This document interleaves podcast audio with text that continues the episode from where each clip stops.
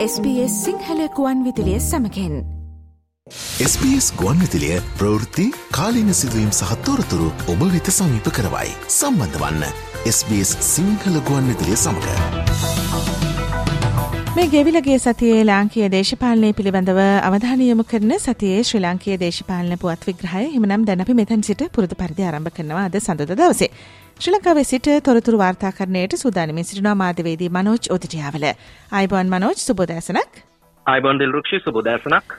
නව පොලිස්පතිවරයෙකු පත්කිරීම හා සම්බන්ධ වන කතාබහ තවදුරටත් තීව්‍ර වුණා මේ විසි හතරවෙනිදා නොවම්බර් මාසේ විසි හතරවෙනිදා මොකද කීප වතාවක්ම සේවා දිගු ලබාදීලා තිබුණු සිරී වික්‍රමරත්න මහතා අවසාන වශයෙන් ඔහුගේ සේවා දිගුව නිමාවට පත් වුණා විසි හතරවෙනිද හැබැයි කවුද මීළඟට පත් කරන්න කියන කාරණාව සම්බන්ධයෙන් මේ වෙනකොට බොහෝ දෙනෙකුගේ අවධානය යොමු වෙලා තියෙනවා. තාමත් හැබැයි ආරංචියකුත් නැහැ. කවුද නිසි විදිහටම පත් කරන්නට සූදානමක් තියෙන්නේ කියලා. ඒ පිළිබඳව අවධානය යොමු කරමින් තමයි අද එහෙමනම් අපි ඔබෙන් මුලින්ම කරුණු විමසන්න බලාපොරොත්තු වෙන්නේ මනෝජ්. මේ පිළිබඳව මොනවද මේ වෙනකොට වාර්තා වෙමින් තියෙන කරුණු? සීඩි වික්‍රමරත්න හිටපු පොලිස්පතිවරයාට හතරවෙනි වතාවටත් ලබා දුන්නු සේවා දිගුව විසි හතරවෙනිදා පහුගේ සිකුරාදා දිනෙන් ඉක්මවා ගියා. ඒ අනුව නොවැම්බර් තුන්වෙනිද ඉඳලා නොවැම්බර් 24 වෙනිදා දක්වා තමයි හතරවන වතාවට ලබා දුන්නු සේවා දිගුව ක්‍රියාත්මක වුණේ. කොමුණත් අපි දැක්කා ආණ්ඩුක්‍රම ව්‍යවස්ථා සභාව පොලිස්පතිවරයාගේ සේවා දිගුව අනුමත නොකිරීම නිසා එතනින් එහාට ඔහුට සේවා දිගුවක් ලබා දෙන්න කටයුතු කරලා තිබුණේ නැහැ. ඊට පස්සේ තමයි 25 වෙනිදා පෞගේ සෙනසුරාදා දිනේ සීඩි වික්‍රමරත්න හිටපු පොලිස්පතිවරයා ජ්‍යෙෂ්ඨ නියෝජ්‍ය පොලිස්පතිවරුන්ට කියලා තියෙන්නේ එදා ඉඳලා. ඒ කියන්නේ 25 වෙනි සෙනසුරාදා ඉඳලා Taman දුරෙන් විශ්‍රාම ගන්නවා කියලා. ඉතින් ඒ අනුව ඔහුගේ විශ්‍රාම ගැනීම සිද්ධ වුණා. කොහොමුණත් අද දවසේ මේ හිස්වෙච්චි පොලිස්පති දුරයට නිලධහරියෙක් පත් කරන්න අවසන් සාකච්ඡාවක් පැවැත්වෙනවා කියලා මහජන ආරක්ෂක අමාත්‍යවරයා ටිරාන් නල සමාත්‍යවරය සඳහන් කරා එකැන මීට දවස් කීපයකට කලනුත් රනිල් වික්‍රමසිංහ ජනාධිපතිවරයාගේ ප්‍රධානත්වයෙන් අලුත් පොලිස්පතිවරයා පත් කිරීම ගැන සාකච්ඡාවක් පවත්වල තිබුණත් ඒ සාකච්ඡාවේදී අලුත් පොලිස්පතිවරයා සම්බන්ධයෙන් අවසන් තීරණයකට එළඹෙන්න බැරි වුණා කියලා විශේෂ අමාත්‍යවරයා සඳහන් කරලා තියෙනවා. ඉතින් ආයෙමත් ඊයේ දවස වෙනකොට ආරංචි වෙනවා මේ හිස්සුණු පොලිස්පති දුරේ වැඩ බලන්න වැඩ බලන පොලිස්පතිවරයා විදිහට බස්නාහිර පළාත බහර ජ්‍යෙෂ්ඨ නියෝජ්‍ය පොලිස්පති දේශබන්දු තෙන්නකෝන් මහත්මයා පත් කරන්න යම් අවධානයක් යොමු වෙලා තියෙනවා කියලා කොමනත් සීඩි වික්‍රමරත්න පොලිස්පතිවරයාගේ විශ්‍රාම යාමෙන් පස්සේ ආණ්ඩු පක්ෂයේ ප්‍රධාන සංවිධායක ප්‍රසන්න රණතුංග අමාත්‍යවරයා ඒත් එක්කම ටිරාන් නලස් මහජන ආරක්ෂක අමාත්‍යවරයා නිමල් ලංස මන්ත්‍රීවරයා ඒ කියන්නේ එවැනි කණ්ඩායම් රනිල් වික්‍රමසිංහ ජනාධිපතිවරයා හම්බ වෙලා වැඩ බලන පොලිස්පතිවරයා විදිහට දේශබන්දු තෙන්නකෝට් ජ්‍යෙෂ්ඨ නියෝජ්‍ය පොලිස්පතිවරයා පත් කරන්න කියලා ඉල්ලලා තියෙනවා කියලා වාර්තා වෙනවා. ඉතින් කොමුණත් දැන් ව්‍යවස්ථාදායක සභාව සේවා දිගුව සීඩි වික්‍රමරත්න පොලිස්පතිවරයාට ලබා දෙන්න එකඟ නොවීම මත මේ සියල්ල සිද්ධ වුණා කියලා තමයි වාර්තා වෙන්නේ. කොමුණත් අවසාන වශයෙන් අද තීරණයක් ප්‍රකාශයට පත් කරાવી පොලිස්පතිවරයා පත් වෙනවද වැඩබලන පොලිස්පතිවරයෙක් පත් කරගන්නවාද එහෙමනම් ඒ කවුද කියන කාරණේ.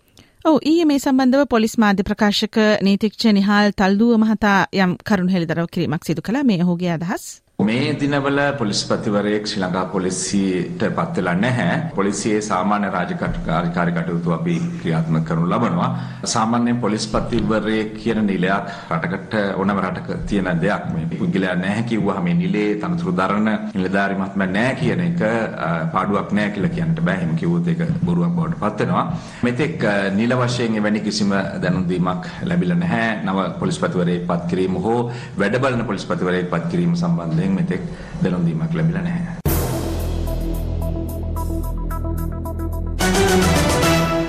ඒ ළඟට පසුගිය සති කිහිපය තුළම ලොකු කතාබහක් ඇතිවෙමින් තිබුණනේ රට බංකොලොත් කරන්නට වගකිවයුත්තන් කවුද කියලා උසාවියෙන් ලැබුණු ඒ තීන්දුවත් එක්ක රාජපක්ෂවරුන් සම්බන්ධයෙන් විවිධ තීරණ ගත යුතුයි කියලා විශේෂයෙන්ම විපක්ෂය සමගි ජන බලවේගයේ පැත්තෙන් පාර්ලිමේන්තුවේදී විපක්ෂ නායක විදිහට සජිත් ප්‍රේමදාස මහතා නොයෙකුත් අදහස් යෝජනා ඉදිරිපත් කරමින් සිටියා.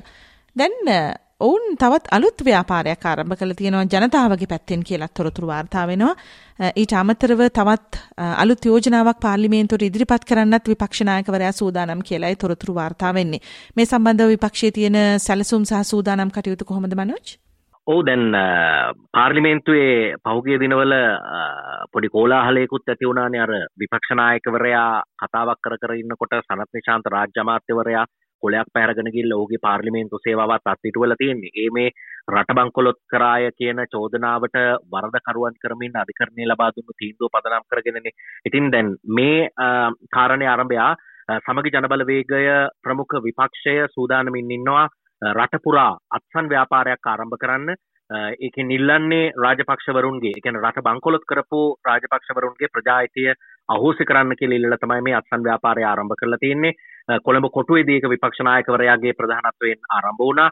ඊට පස්සේ රටවටේ ගිහිල්ලා අත්සන් ලබාගන්න සූදානමින් ඉන්නවා. ඊට පස්සේ මේ අත්සන් ව්‍යාපාරයෙන් අනතුරුව සමගි ජන බලවේගේ අධිකරණය හමුවෙන් නඩුවක් ගොුණු කරන්නත් බලාපොරොත්තු වෙන්නවා මේ රට බංකොලොත් කරයි කියන කාරණය සම්බන්ධයෙන් වර්ධකරු කරපු එමන්නත්තම් චෝදනා එල්ලවුණු කණ්ඩායම්වලට එරහිව.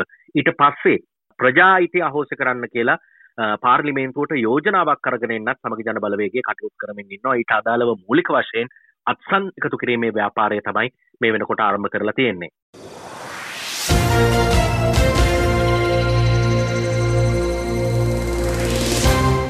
මේ දිනවල ශ්‍රී ලංකා පාර්ලිමේන්තුවේ මේ අයවැය තෙවනවර කියවීමේ අවස්ථාව තමයි තියෙන්නේ. මේ අයවැයෙන් පස්සේ කැබිනට් සංශෝධනයක් සඳහා යම් සූදානමක් තියෙනවා කියලත් යම් කසුකුසු තියෙනවා. විශේෂයෙන්ම මනෝජ් අපි දකිනවා මේ පසුගිය කාලවකවානුවේදී ක්‍රීඩා මාත්‍යවරයාට විශේෂිත අවධානයක් යොමු වුණා. ශ්‍රී ලංකා ක්‍රිකට් දූෂණ වංචා සම්බන්ධව තොරතුරු හෙළිදරව් කිරීම සහ ක්‍රිකට් පාලක සභාවේ ආයතා කටයුතු සම්බන්ධයෙන් ප්‍රසිද්ධියේ පාර්ලිමේන්තුවේ තොරතුරු ඉදිරිපත් කිරීම නිසා. ඒත් එක්කම ක්‍රීඩා මාත්‍යවරයා Tamanගේ බලතල ජනාධිපතිවරයාගෙන් පවා අහන්නේ නැතුව අත්නෝමතිකව පාවිච්චි කරනවා කියලත් කතා බහක් තිබුණා. ඊට පස්සේ ඒ සම්බන්ධවම යම් නිවැරදි කිරීමක් ක්‍රීඩා මාත්‍යවරයා විසින්ම කළා.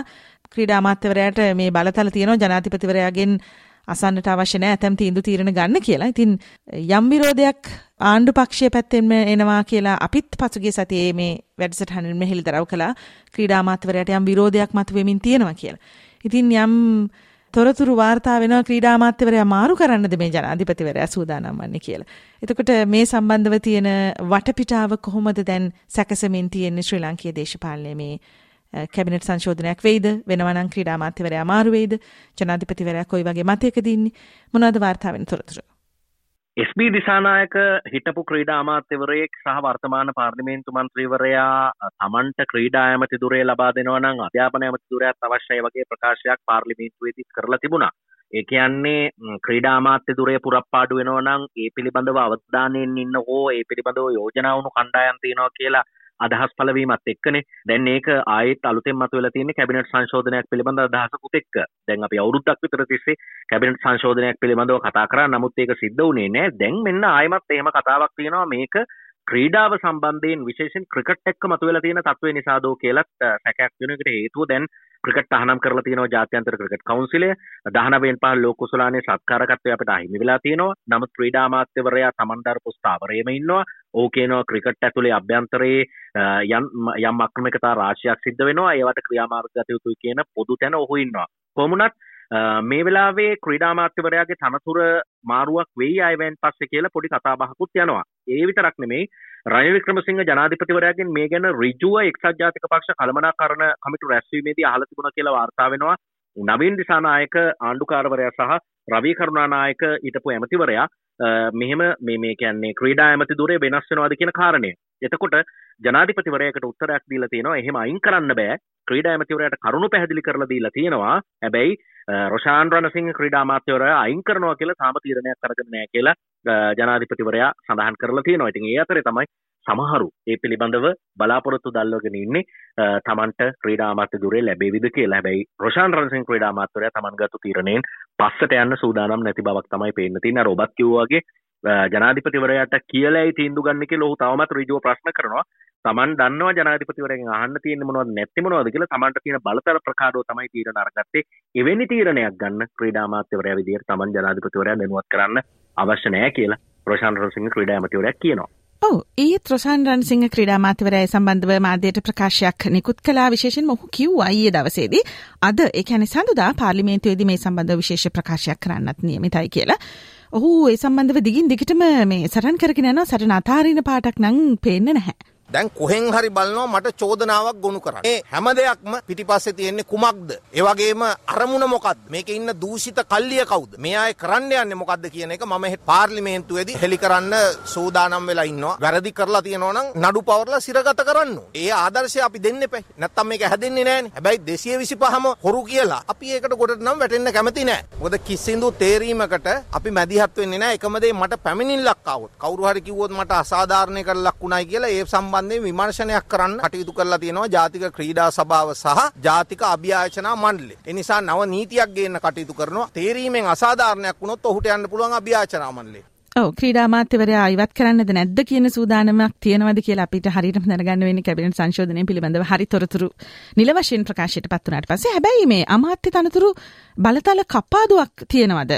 කැබිනට් එකේදී ඒ ගැන කතා වුණාද කියලා විපක්ෂ නායක සජිත් ප්‍රේමදාස මහතා සභානායක සුසිල් ප්‍රේමචන්ත මහතාගෙන් විමසලා හිටියා. මේ ඔවුන් දෙදෙනා අතර සිදුණු සාකච්ඡාව ක්‍රීඩා පනත හරහා ක්‍රීඩා ඇමතිවරයාට බලතල තිබෙනවා ඉන්ටරිම් කමිටිස් පත් කරන්න සහ නිසි බලධාරීන් පත් කරන්න. අපිට දැනගන්න ලැබුණා කැබිනට් එක තීන්දුවක් කරන් තියෙනවා මින් ඉදිරියට ක්‍රීඩා ඇමතිවරයාට මේ ඉන්ටරිම් කමිටිස් පත් කිරීමේ හැකියාව තිබෙන්නේ කැබිනට් අනුමැතියකින් පසුයි කියන කාරණාව. ඉතින් මේක බරපතල තත්ත්වයක් සභානායකතුමා එහෙම පුළුවන් ද කැබිනට් එකට තීන්දුවක් ගන්න ඕනනම් කැබිනට් එකට පුළුවන් පාර්ලිමේන්තුවේ ඒ නීති වෙනස් කරලා ඒ මාර්ග සිතියම යටතේ යන්න පුළුවන්. නමුත් කැබිනට් එකට තීන්දුවක් ගන්න බෑ රටේ ක්‍රීඩා ඇමතිට තියෙන බලතල කප්පාදු කරන්න මේ පනත උල්ලංඝනය කරලා. අමාත්‍ය මණ්ඩලයේදී සිදු වුණේ අමාත්‍ය අනු කොමිටුවක් පත් කිරීම මේ ක්‍රිකට් ක්‍රීඩාවේ එදා මතුවලා තිච්ච තත්ත්වය සම්බන්ධයෙන්. එහෙම නැතුව අමතිවරයෙකුගේ බලතල කප්පාදු කිරීමක් සම්බන්ධයෙන් සාකච්ඡා කිරීමක් සිදු වුණේ නැහැ. පනතකින් දීලා තියෙන බලතල සම්බන්ධයෙන් එහෙම තහංචියක් පනවීමක් සිදු වුණේ නැහැ.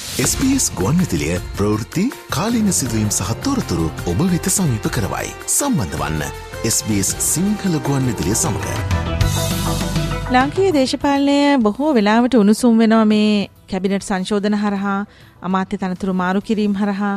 එවිතරක් මේ ආණ්ඩුකාරවරුන් මාරු කිරීම හරහා පවා. මීට කලිනුත් ආණ්ඩුකාර තනතුරුවල යම් යම් සංශෝධන සිදු වුණා. එතනදිත් විශාල උණුසුම් කතාබහ නිර්මාණය වුණා. ජනාධිපතිවරයාට පක්ෂග්‍රාහී අය පමණක් පත් කරනවා කියලා එක්සත් ජාතික පක්ෂය ඉදිරියට ගෙනීමේ යම් ව්‍යායාමයක් තියෙනවා ජනාධිපතිවරයා එක්සත් ජාතික පක්ෂයට ප්‍රමුඛත්වය ලබා දෙමින් ආණ්ඩුකාරවරුන්ට අවස්ථා ලබා දෙනවා කියලා මේ වගේ නොයෙකුත් චෝදනා. දැන් අපිට යලිත් මේ ආණ්ඩුකාර තනතුරු මාරු කිරීමක් පිළිබඳව තොරතුරු වාර්තා වෙනවා. දැන් මේක පසුපස තියෙන ප්‍රධානතම හේතුව මොකක්ද? මෙහෙම දෙයක් කරන්න යනවනම් ජනාධිපතිවරයා කොහොමද මේ ආණ්ඩුකාර තනතුරු මාරුවීම සිද්ධ වන්නේ? මොනවද ඒ සම්බන්ධව වාර්තා වන තොරතුරු මනෝජ්? ඔව් ජනාධිපතිතුමාට පැවරලා තියෙන බලතර ප්‍රකාරව ආණ්ඩුකාරවරුන් පත් කරන්නේ ජනාධිපතිවරයා අවස්ථා කිහිපයකදී එහෙම මාරුවීම් සිද්ධ වෙලා තියෙනවා. දැන් අපි දැක්ක පෞගිය කාලේ නසිර් රහමඩ් පරිසර ඇමතිවරයාට අධිකරණ තීන්දුවක් නිසා පක්ෂ සමාජිකත්වය අහෝසි වුණා. ශ්‍රී ලංකා මුස්ලිම් කොංග්‍රසයේ ඒ අනුව ඔහුගේ පාර්ලිමේන්තු මන්ත්‍රී ධුරයත් අහෝසි වුණා. ඒ නිසා ඇමතිකම නැති වුණා. දැන් එහෙම සූදානමක් වෙනවා කියලා වාර්තා වෙනවා. නසීර් රහමඩ් හිටපු ඇමතිවරයාට නැගෙනහිර පළාතේ ආණ්ඩුකාර ධුරය ලබා දෙන්න. එතකොට දැනට නැගෙනහිර ආණ්ඩුකාරවරයා විදියට සෙන්දිල් ටොන්ඩමන් මහත්මයාව ආණ්ඩුකාරවරයාව පත් කරලා ඉන්නවා. ඔහුව ඌව පළාතට යනු මාරු කරන්න නියමිතයි කියලා වාර්තා වෙනවා. ඒතර ඌව පළාතේ ආණ්ඩුකාරවරයා විදියට කටයුතු කරන්නේ ජේඑම්එම් මුසාමිල් ආණ්ඩුකාරවරයා ඔහුව බස්නාහිර පළාතට යොමු කරන්න සූදානමක් තියෙනවා කියලා වාර්තා වෙනවා. එමනොත් දැනට බස්නාහිර පළාතේ ආණ්ඩුකාරවරයා විදියට කටයුතු කරනවා. මාශල් Air Force රොෂාන් ගුණතිලක මහත්මයා ඔහුට තානාපති දුරයක් ලබා දෙන්න සූදානමක් තියෙනවා කියලා වාර්තා වෙනවා. ඒතකොට ඔය ආකාරයෙන් තමයි ආණ්ඩුකාර දුර වෙනස් කරන්න සූදානමක් තියෙනවා කියන තොරතුර ඇවිත් තිබෙන්නේ. එතකොට මේ ආණ්ඩුකාර සංශෝධනය කොයි වගේ කාලික ක්‍රියාත්මක වෙනවාද කියලා යම් තොරතුරුකුත් වාර්තා වෙනවද? තාම දිනවකවානු පිළිබඳව අදහසක් නැහැ. එහෙම යෝජනාවක් තිබෙනවා කියන කාරණය පමණක් වාර්තා වෙනවා දිල්රුක්ෂේ.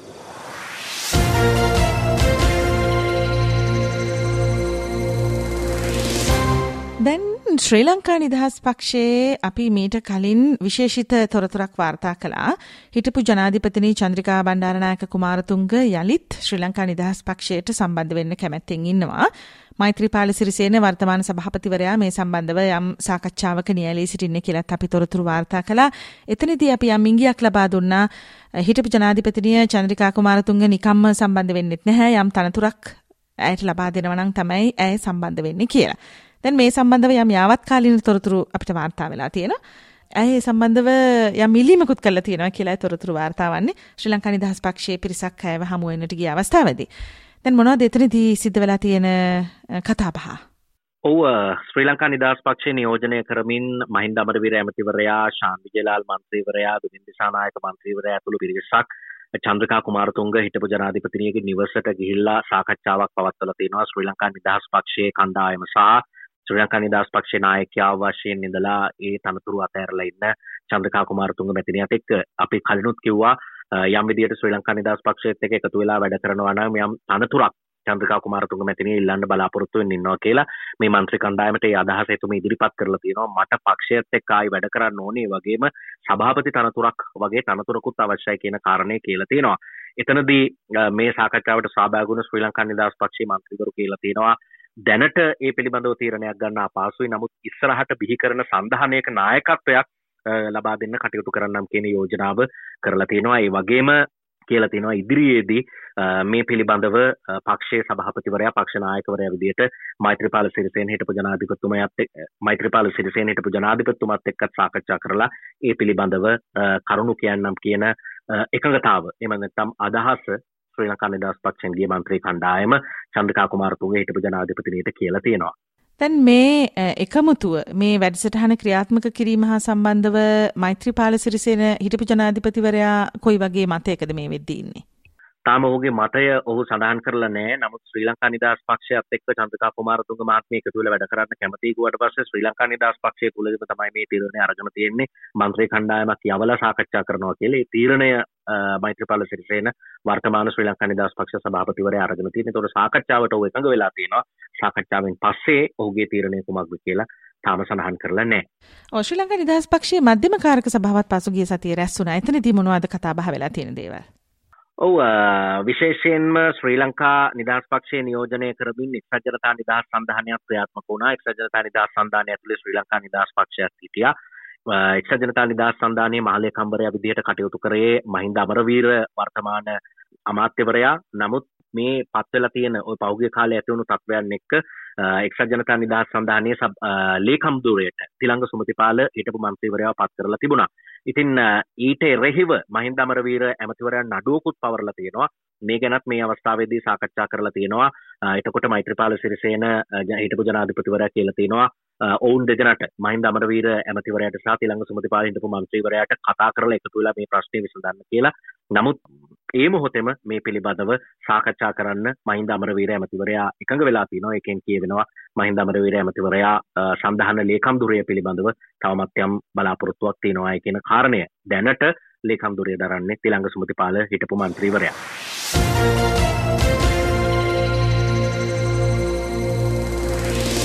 අවසන් වශයෙන් මං අවධානයට ලක් කරන්න කැමති ඩයන ගමගේ රාජ්‍ය අමාත්‍යවරිය මීට කලින් ඉදිරිපත් කළ තිබුණු පෙත්සමක් පිළිබඳව විපක්ෂ නායකවරයා සජිත් ප්‍රේමදාස සහ සමගි ජනබලවේගේ මහලේකම් රංජිත් මද්දුම බණ්ඩාරට එරෙහිව තමයි ඇය මේ පෙත්සම ගොනු කරලා තිබුණේ. මේගොල්ලෝ තාමත් එක්සත් ජාතික පක්ෂ සමාජිකයින්. එමනම් එක්සත් ජාතික පක්ෂ සමාජිකයන් විදිහට වෙනත් පක්ෂයක ඒ කියන්නේ සමගි ජනබලවේගයේ වැඩ කරන්නේ කොහොමද කියලා තමයි මේ පෙත්සමෙන් අහලා තිබුණේ. ඒ පිළිබඳ තීන්දුවක් ප්‍රකාශයට පත් වුණා කියලත් වාර්තා වෙනවා. තීන්දුව සම්බන්ධ වන සවිස්තර තොරතුරු එහෙමනම් අපි අවසාන වශයෙන් ඔබෙන් දැනගන්න කැමතියි මනෝජ්. සමගි ජන බලවේගේ නායක සජිත් ප්‍රේමදාස විපක්ෂ නායකවරයාට සහ සමගි ජන බලවේගේ මහලේකම්වරයා විදියට කටයුතු කරන රංජන් මර්දුබ බණ්ඩාර පක්ෂ මහලේකම්වරයාට ඔවුන් එක්සත් ජාතික පක්ෂයේ සාමාජිකයන් විදිහට කටයුතු කරමින් සමගි ජන බලවේගේ තනතුරු දරන නිසා ඒ සම්බන්ධයෙන් අතුරු තහනම් නියෝගයක් නිකුත් කරන්න කියලා ඩයනගමගේ රාජ්‍ය අමාත්‍යවරිය අධිකරණයෙන් ඉල්ලීමක් කරලා තිබුණා. කොළඹ දිසා අධිකරණයෙන්. ඒ ඉල්ලීම පහුගේ විසි හතරවෙනිදා කොළඹ දිසා අධිකරණය ප්‍රතික්ෂේප කරා. තීන්දුව ලබා දෙමින් අධිකරණය සඳහන් කළේ. විශේෂයෙන්ම පෙත්සම්කාරිය මේ පැමිණිල්ල හරහා සමහර කරුණු වසන් කිරීමට කටයුතු කරලා තියෙනවා කියලා. ඒ වගේම සජිත් ප්‍රේමදාස විපක්ෂ නායකවරයා සහ රංජිත් බන්දුම් බණ්ඩාර පාර්ලිමේන්තු මන්ත්‍රීවරයා දෙදස් විසේක අවුරුද්දෙන් පස්සේ එක්සත් ජාතික පක්ෂයේ සමාජිකත්වය ලබාගෙන නෑ ඒ ඇතුළේ තමයි එක එක්සත් ජාතික පක්ෂයේ සමාජිකත්වය ලබා නොගෙන තමයි සමග ජන බලවේගේ සමාජිකත්වය දරමින් තනතුරු දරන්න කියලා අධිකරණයේ තීන්දුව කරා. ඒ අනුව තවදුරටත් ඔවුන් දෙදෙනාට රංජිත් මද්දුම් බණ්ඩාර මහලේකම්වරයාට සහ සජිත් ප්‍රේමදාස සමග ජන බලවේගේ නායකවරයාට තනතුරු දරන්න බාධාවක් වෙන්නේ නෑ නඩු තීන්දුවත් එක්ක බොහොම ස්තුතියි මනෝජ් එමනම් මේ ගෙවිලගේ සතියේ ශ්‍රී ලංකේ දේශපාලන අලුත් තොරතුරු සහ යාවත්කාලීන වෙමින් පවතින තොරතුරු වාර්තා කරන්න අපිත් එක්ක සම්බන්ධ වුණාට. අපි එමනම් යළිත් හෙට ඔබ හමු වෙනවා මෞබිමින් පුවත් විශේෂාංකයෙන්. එතෙක් ඔබට.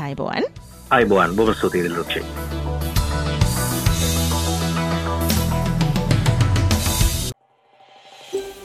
මේ වගේ තවත්තොරතුරු දැනගන්න කැමතිද. එහමනම් Apple podcast Google podcast Spotify ඔබගේ පොඩ්කාස්ට ලබාගන්න ඕනෑම මාතයකින් අපට සවන්දය හැකේ.